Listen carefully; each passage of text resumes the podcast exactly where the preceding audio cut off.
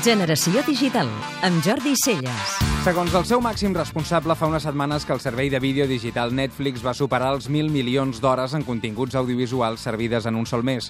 Quan es parla de la renovació del negoci audiovisual, Netflix n'és en aquests moments un dels màxims exponents mundials.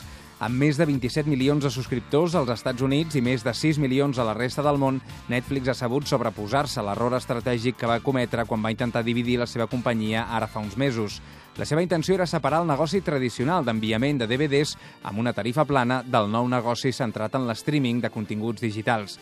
De fet, tot i que no para de perdre usuaris, el negoci d'enviament de DVDs encara suposa a data d'avui un percentatge més alt en l'aportació dels beneficis de l'empresa que la digital. Netflix té clar que ha d'apostar pels continguts. La idea d'un servei de pel·lícules i sèries en tarifa plana ja ha deixat de ser innovadora. Altres gegants com Amazon hi estan apostant de forma clara i disposen de recursos i infraestructures potents per intentar posicionar-se ràpidament.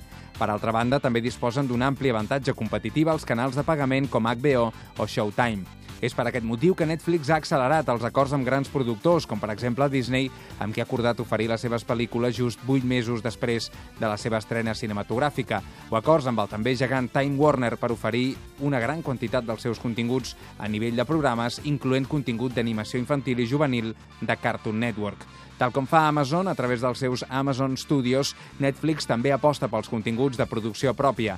Aquest any estrenarà una sèrie de 13 capítols titulada House of Cards i capítols exclusius de sèries d'èxit com Arrested Development. El 2012 ha estat un any de muntanyes russes per a Netflix que ha acabat de la millor manera possible. Gràcies als bons resultats del quart trimestre, l'empresa s'ha enfortit a borsa i ha aconseguit l'entrada en el seu accionariat de grans fons d'inversió. És especialment rellevant veure com el canvi real en els processos de distribució de les produccions audiovisuals es manté pràcticament en exclusiva fora de l'entorn de les grans productores cinematogràfiques i de les grans cadenes de televisió. Podeu escoltar Generació Digital cada dissabte de 4 a 6 de la tarda a Catalunya Ràdio.